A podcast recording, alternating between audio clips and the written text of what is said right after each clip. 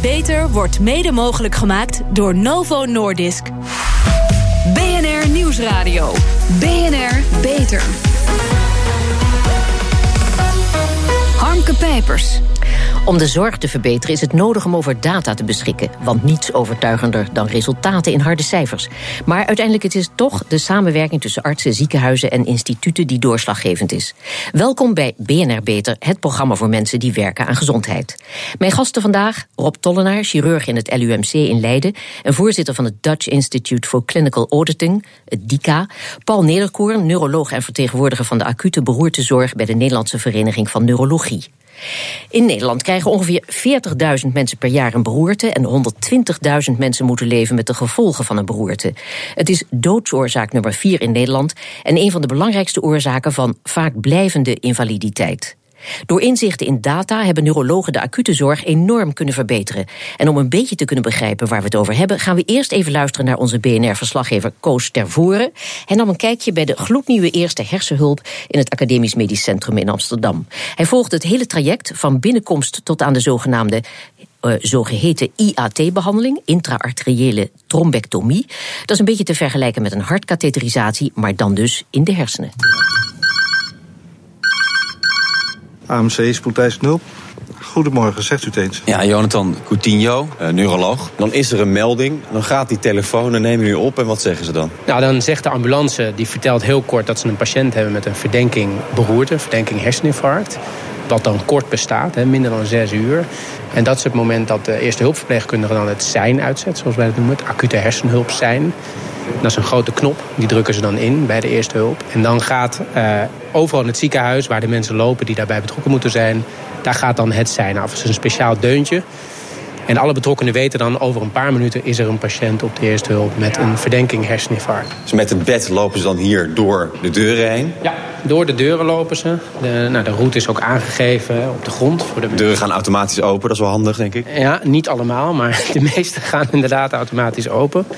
En dan volgen ze hier dus deze stippellijn. En dan heb je een beroerte en dan kom je hier binnen. Wat Ja. gebeurt er dan? Ja, dus de, de ambulance komt hier aangereden en gaat dan, dan... Hier staan dus alle deuren open en hier staat het hele team dan te wachten. Nou, en dan is er heel even een moment van rust. 30 seconden, 1 minuut. Want dan moet de ambulance even de tijd krijgen om over te dragen. Dus die moeten vertellen, dit is meneer die en die, geboren dan en dan.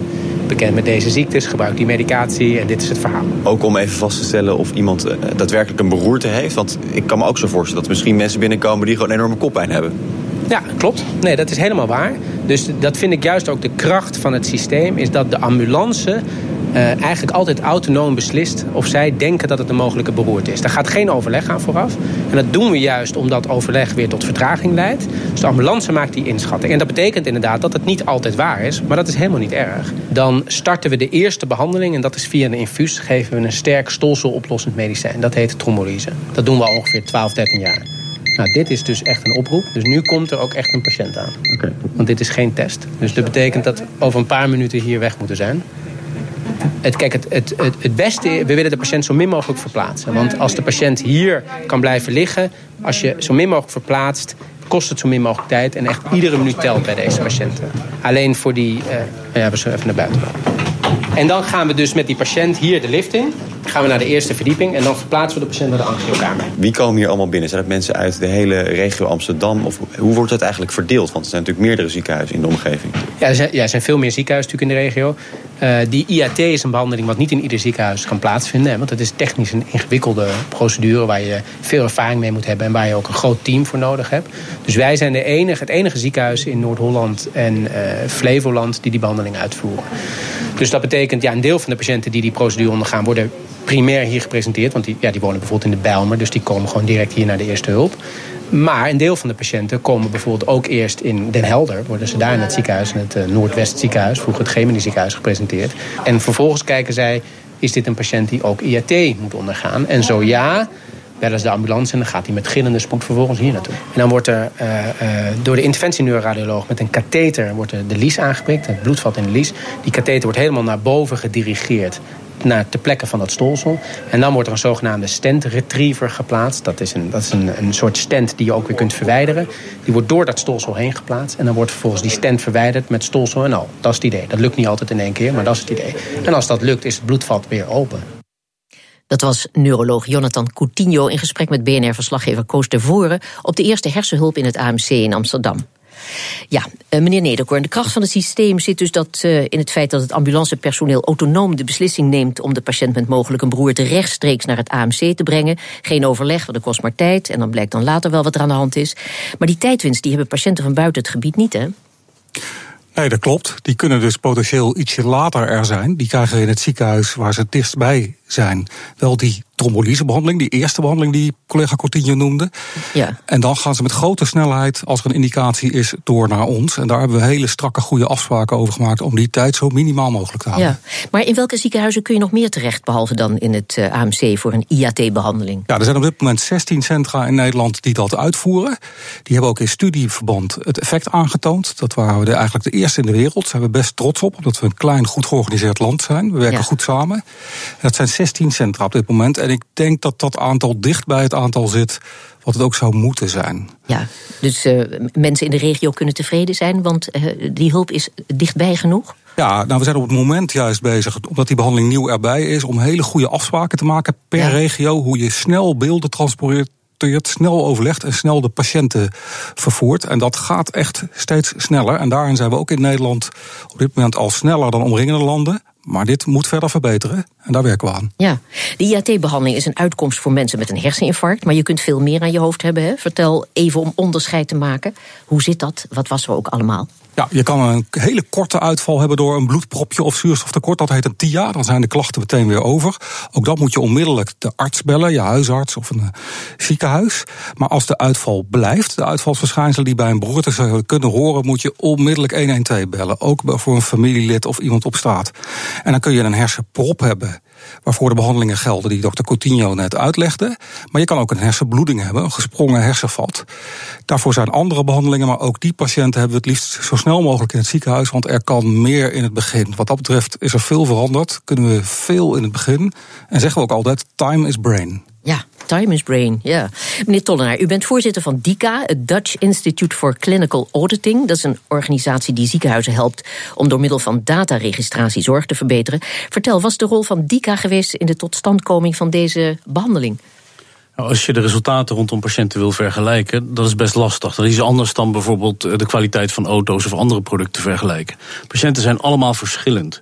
En uh, DICA is de organisatie die ervoor heeft gezorgd dat we patiënten kunnen vergelijken. Doordat we niet alleen naar de kwaal kijken en de, uh, de behandeling, maar ook naar wat voor ziekte de patiënt verder aan boord heeft. En we kunnen dus een behandeling in het ene ziekenhuis heel goed vergelijken met de kwaliteit van de behandeling in een ander ziekenhuis. Ja, deze speciale beroertezorg is niet het enige waar DICA bemoeit mee heeft. Er is veel meer. Zo heeft DICA mede gezorgd dat de kankerzorg sterk kan verbeteren. Zoals in geval van hoofdhalstumoren. Dat is bekend dat er in het Radboud UMC door middel van het vastleggen van kwaliteitsindicatoren, 150 kwaliteitsindicatoren, de zorg verbeterd wordt. Hoe werkt dat? Uh, eigenlijk is het niet anders dan dat het team wat met hoofd-halsbehandeling bezig is in de spiegel kijkt. Hoe doen wij het? Hoe lang duurt het voordat de patiënt de definitieve diagnose heeft? Welke behandeling wordt er gekozen? En ze zien hun eigen resultaten en vergelijken dat met van collega's in Nederland. En als je ziet hoe je het doet, dan zie je ook waar je kan verbeteren ten opzichte van die andere collega's. Ja. Of daar waar collega's van jou kunnen leren. Ja.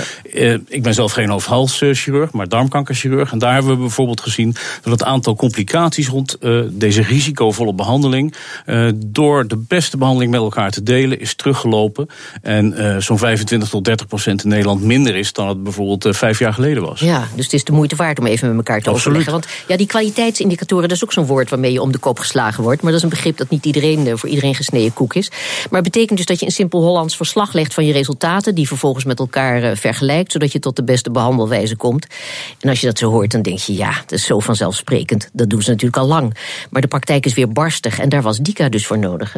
Ja, wat ik u zei, uh, we registreren heel veel gegevens in de zorg. Maar om die op een goede manier uit te halen, zodat we ook uh, de gegevens met elkaar kunnen vergelijken, daar heeft DICA bij geholpen. En waar we ook bij helpen is om die gegevens weer terug te brengen naar de dokters en andere mensen in de praktijk. Niet alleen naar de dokters, maar ook naar de inspectie die het wil weten, maar ook naar de patiënten die kunnen zien wat voor kwaliteit er in de huizen beschikbaar is. Ja, maar dat betekent dus uh, meer transparantie. nou zit niet iedereen daar in de zorg op te wachten heb ik wel eens begrepen.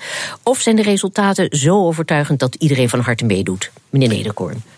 Ja, ik denk dat we steeds meer gaan richting het tweede. We hebben bij die trombolysebehandeling, die er al tien jaar is, door het meten van de tijden en kijken waar we kunnen verbeteren, enorm van elkaar geleerd. En toen is er een heleboel koudwatervrees verdwenen hè, bij de mhm. dokters.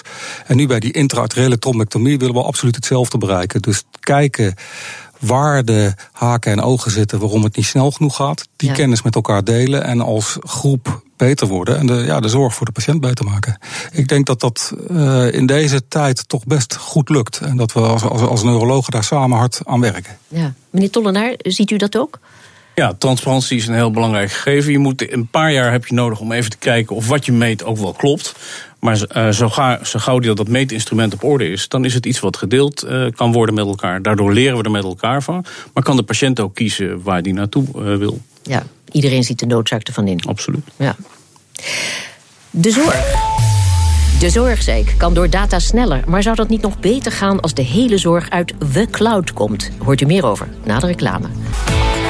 BNR Nieuwsradio. BNR Beter.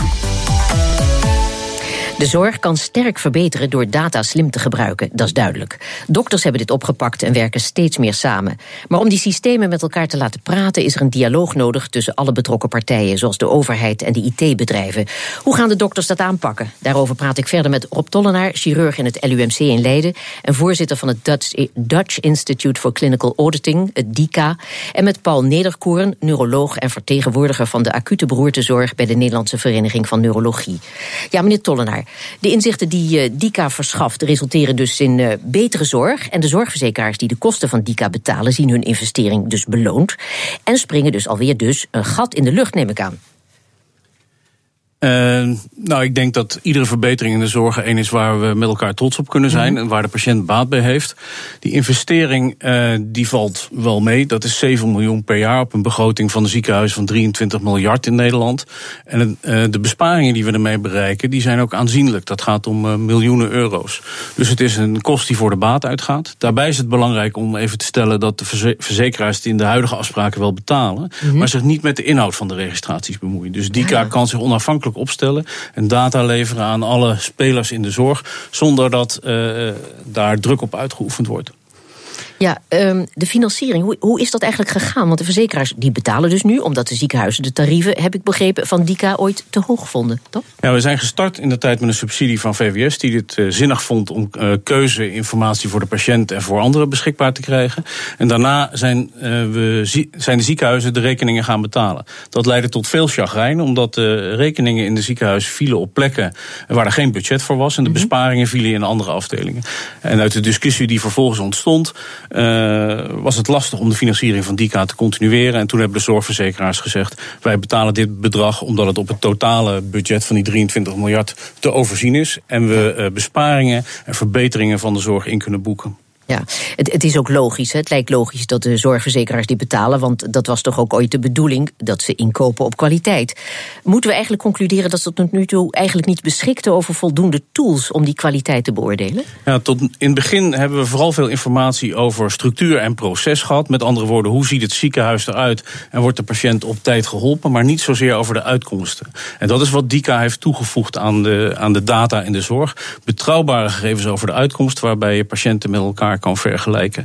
En nu we die in toenemende mate hebben, kunnen we ook gaan werken aan het verbeteren van de zorg. Dat kan soms door inkopen, omdat je niet iedere uh, zorg meer in, eh, in alle ziekenhuizen hoeft aan te bieden. Maar sommige kwalen komen zo vaak voor, bijvoorbeeld als borstkanker en darmkanker. Dan is de inkoop maar één manier om het beter te maken. Eigenlijk is een dialoog van de dokters met de mensen in het ziekenhuis om vanuit die cijfers de zorg beter te maken een veel krachtiger middel dan alleen die inkoop. De verzekeraars die krijgen hierdoor wel ook meer grip. Is dat niet iets waar de ziekenhuizen en dus uw collega's uh, zonder meer blij van worden? Of is er om die reden ook nog wel weerstand tegen DICA? Ja, als we het in termen als grip uh, framen, dan is het denk ik helemaal verkeerd. Ja, ik frame hier wat af hoor. maar vertel. Nee, maar waar het om gaat is dat we met elkaar, elkaar kritisch de maat nemen in de zin van wat gaat er goed en wat kan er beter. En je ziet dat dokters steeds beter in staat zijn om daar een open discussie over te voeren, ook de dialoog met patiënten aan te gaan en daar waar nodig ook uh, de hand aan de ploeg slaan om zorg echt anders uh, in te richten. Ja. Want, want je kunt daarmee verbeteringen bereiken die, die echt uh, de, de kracht van bijvoorbeeld nieuwe geneesmiddelen die maar een paar maanden overleving bieden, ja, echt te boven gaan. Ja, maar uh, bovendien, uh, u vermeldt het niet, dat doe ik nu even. DICA is goedkoper uh, dan soortgelijke organisaties in het buitenland. Hè? Ja, dat is ook zo. We hebben de afgelopen jaren een enorme doelmatigheidsslag gemaakt. En als je kijkt naar wat de kosten van de registraties in Nederland zijn vergeleken met onze Scandinavische collega's, dan hoeven we ons niet te schamen. Ja, maar goed, het zijn mooie ambities. Maar artsen en verpleegkundigen die worden toch al helemaal gek van alle administratie. Vergt dit niet veel meer tijd? U heeft daar een heel belangrijk punt. En er is ook een krachtig signaal vanuit het veld dat al die administratie, uh, ja, dat we daar heel kritisch naar moeten kijken. Je moet dus voor dit soort registraties een aantal dingen doen. Eén, zoveel mogelijk slimme ICT-ondersteuning. Tweede, onzin uit de uh, indicatoren zoveel mogelijk wegwieden. Want we hebben nog indicatoren die uit een tijdperk komen waar, waarbij het toen nuttig was, maar nu bijvoorbeeld niet meer. En ik denk dat het van groot belang is dat de, de mensen die de handen aan het bed hebben, mhm. niet belast worden met extra administratie. Overigens is het zo dat alle data die DICA uh, gebruikt voor zijn registratie niet iets is wat extra nog eens in de zorg uh, vastgelegd zou hoeven worden. Okay. Alles wat er gebruikt wordt zijn gegevens die in het normale zorgproces toch al geadministreerd worden. Dus de uitdaging is vooral met elkaar die data er op een slimme manier uit te halen. Ja, maar nog even die, die transparantie. Hoe verhoudt die zich uh, tot um, de nieuwe Europese privacyregels die 25 mei ingaan? Riskeren de ziekenhuizen enorme boetes, zoals die in de nieuwe privacyregels zijn vastgelegd? Uh, de registratie zoals DICA die heeft opgezet, zorgt ervoor dat er geen tot de patiënt herleidbare informatie buiten het ziekenhuis komt. En daardoor hoeven de ziekenhuizen daar niet bang voor te zijn. We moeten wel goed kijken of de regeling zoals we het nu hebben binnen die Europese wetgeving uh, overeind kan blijven. Dus dat is iets waar we op dit moment met het ministerie in overleg over zijn. Ja, maar hoe gaat het AMC hiermee om? Uh, bedoel, dan bedoel ik op de behoefte om anonieme gegevens te kunnen gebruiken om processen te verbeteren versus de strenge privacy. Worstelt het AMC toch met conflicterende belangen of valt het in de praktijk erg mee? Uh, ik denk dat we daar proberen goed mee om te gaan. Uh, het is belangrijk om te zeggen dat de gegevens van de patiënten op geaggregeerd niveau worden bekeken. Dus allemaal tezamen. En dat de patiënten niet individueel herleidbaar zijn. We hebben wel nog problemen bij patiënten die van het ene naar het andere ziekenhuis verplaatst worden. Met die nieuwe behandelingen. Want we mogen die gegevens nu volgens de wet niet zomaar aan elkaar koppelen. Dat is wel een probleem waar we hard aan aan het werken zijn. Ja. Ook door IGZ gesteund worden. Want dat moeten we wel doen om die zorg samen beter te krijgen. En dat doen we uiteindelijk voor, ook voor de patiënten. Dus in die zin denk ik dat daar winst te behalen is dat ze daar ja, niet hun privacy opgeven, maar dat we wel voor elkaar krijgen dat we die gegevens mogen koppelen en vervolgens anoniem mogen analyseren. Ja. Uh, ik wil nog even naar het volgende punt. Want uw ziekenhuis werkt met een elektronisch patiëntendossier van één leverancier. Epic en Chipsoft zijn marktleiders. Met, met welke werkt uw ziekenhuis? Ons ziekenhuis werkt met Epic. Oh ja. En hoe verloopt de informatieuitwisseling met ziekenhuizen die klanten bij een ander merk? Want ik, ik vraag me af, domineren die merken of staat de informatieuitwisseling tussen de ziekenhuizen voorop? Het laatste. En ik denk dat dat ja? heel goed gaat, doordat we zelf als beroepsgroep die registratie nu in de hand hebben met een eigen artsenonderzoeker. We analyseren zelf ook de data, niet die ziektekostenverzekeraars, om nog eventjes op RUP terug, terug, ja. terug, te komen. En we hebben een hele unanieme en vrij simpele dataset, want wij vinden ook dat de registratie heel beperkt moet blijven. Een paar belangrijke dingen, unaniem. En die kun je eigenlijk in elk systeem verzamelen. Dus, welk... Ja. dus het is niet zo dat de marktwerking uitvechten welk merk wint, dat dat ten koste gaat van de kwaliteit van zorg. Dat laatste niet. Die vechten natuurlijk mm -hmm. wel met elkaar, maar niet op dit punt, vermoed ik. Ja, want dat is dat uh, de beroepsgroep gaat ervoor liggen. Mag ik het zo voorstellen of is dat te mooi? Nee, ik denk niet dat wij voor liggen voor hun concurrentiestrijd. Maar we hebben wel een unaniem vrij te overzien datasetje wat wij willen verzamelen. En dat kan in elk systeem, wat mij betreft. Ja, meneer Tollenaar? Ja, we hebben daar wel wat te winnen, want die systemen, ondanks dat het er twee zijn, die praten niet met elkaar. Chipsoft in het ene ziekenhuis is geen chipsoft in het andere ziekenhuis. Dus we kunnen enorm winnen en, uh, aan reductie aan registratielast. Doordat de uitwisselbaarheid van gegevens op een hoger niveau komt. En ik denk dat ziekenhuizen uh, en uh, softwarefabrikanten daar de komende jaren echt stappen moeten maken. Want anders krijgt de zorgverlener een steeds zwaardere administratieve taak. Ja, ik kan me voorstellen. Kijk, bij pathologen weet ik, is het zo geweest dat die hebben gezegd van die systemen moeten met elkaar kunnen praten en jullie zoeken het maar uit, maar wij willen dat. En daarmee de hele boel klem gezet en dat voor elkaar gekregen. Ja, en het zou uh, denk ik heel waardevol zijn als ziekenhuizen voor een goede bronregistratie, dus als je iets opschrijft in het EPD, het elektronisch patiëntendossier, dat het dan maar één keer hoeft te worden vastgelegd en voor de rest herhaalbaar en uitwisselbaar is, als het nog actueel is, dat we dat in Nederland voor elkaar zouden kunnen brengen. Ja. Dika heeft zijn bestaansrecht wel bewezen, mogen we zeggen. Maar wat heeft Dika in concreet nog nodig om de zorg nog verder te verbeteren? Bieden de Scandinavische landen, die een goede reputatie hebben op dit gebied, inspiratie? Ja, ik hoorde al dat die veel duurder zijn. Dus het gaat om een vergelijkbaar systeem. Maar nou, ik denk dat wat er aan toegevoegd moet worden in de komende jaren is het perspectief nog meer vanuit de patiënt. Wij meten nu of een behandeling in het ziekenhuis geslaagd is. Maar wat we eigenlijk daar nog aan toe willen voegen is de uitkomst die er voor de patiënt voor doet. Ik licht dat altijd toe aan de hand van een voorbeeld. Wij meten nu bijvoorbeeld als iemand zijn heup gebroken heeft of de wond goed genezen is nadat er een nieuwe heupschroef ingezet is. En eigenlijk willen we weten of die patiënt ook weer zijn normale lichamelijke activiteit kan uh, ontplooien. Tennissen, de hond uitlaten. lijkt me een goed plan. Nog even, uh, meneer Nederkoor namens de Vereniging van Neurologen? En wat was precies uw vraag? Nou, uh, wat bieden de Scandinavische landen op dit gebied inspiratie? Zeker, die lopen voorop met uh, registreren. Die hebben hele goed georganiseerde cijfers van al hun patiënten. En tussen de ziekenhuizen kunnen ze wel koppelen. In die zin zijn zij en ook bijvoorbeeld Engeland een voorbeeld. Oké, hartelijk dank Rob Tollenaar en Paul Nederkoorn. Pioniers in de zorg. Onze zorgredactie speurt naar interessante medische innovaties binnen en buiten de muren van de universiteit. Waar werken ze aan en wat moeten wij hierover weten? Kelly Nijhoff, je hebt iets over slechte adem. Ja, niet zo'n sexy onderwerp, maar wel heel belangrijk. Het ging zelfs in de VS viraal. Maar wat hebben die Nederlandse onderzoekers nou ontdekt? Het gaat om een gendefect waardoor sommige mensen 24-7 uit hun mond ruiken naar zwavelgassen. En normale gezonde mensen die bijvoorbeeld een keertje veel knoflook hebben gegeten... die breken die vervelende geur weer af in het bloed. Ja, en hoe weten, men, hoe weten tandartsen of een patiënt dat er sprake is van dat gendefect? Dat is dus best ingewikkeld, want die aandacht voor een slechte adem... is nog niet zo in beeld bij tandartsen. Want zij zouden dit moeten signaleren. En het is echt schrijnend, want die mensen die hier last van hebben... kunnen echt hele grote sociale problemen krijgen. We luisteren even naar onderzoeker Edwin Winkel... bijzonder hoogleraar en paradontoloog in het UMCG in Groningen. We meten dus met hele gevoelige apparatuur, die, die meet deeltjes per miljard eh, aan, aan zwavelgassen. Dus door die apparatuur krijgen wij uh, signalen van nou dat gas is er wel, dat gas is er niet. En dat geeft weer aan in welk gebied je moet denken waar het probleem uh, vandaan komt. En zo is uiteindelijk is dit, dit, balletje ook gaan rollen door zeg maar, de apparatuur die dan dat soort gassen toont. Ze hopen patiënten die dit gendefect hebben door middel van een speciaal dieet van die slechte adem af te helpen en tandartsen bij te scholen over deze oorzaak van die slechte adem en een oplossing. Ja, dus beter dan een uh, extra pepermuntje, begrijp nou, ik. Dat helpt dus niet. Sterker nog, het werkt averechts vanwege de suiker die erin zit. Gewoon regelmatig naar de tandarts, genoeg water drinken... en natuurlijk je mond en je tanden goed verzorgen. Ja, en hopen dat die tandarts goed geïnformeerd is door de parodontologen uit het UMCG. Dankjewel, Kelly Nijhoff. Tot zover deze uitzending van BNR Beter. Op bnr.nl slash beter en als podcast is deze uitzending terug te luisteren. We zitten ook op Twitter op BNR Lifestyle of mail naar beter.bnr.nl. Ik ben Harmke Pijpers. Graag tot een volgend spreekuur. BNR Beter wordt mede mogelijk gemaakt door Novo Nordisk.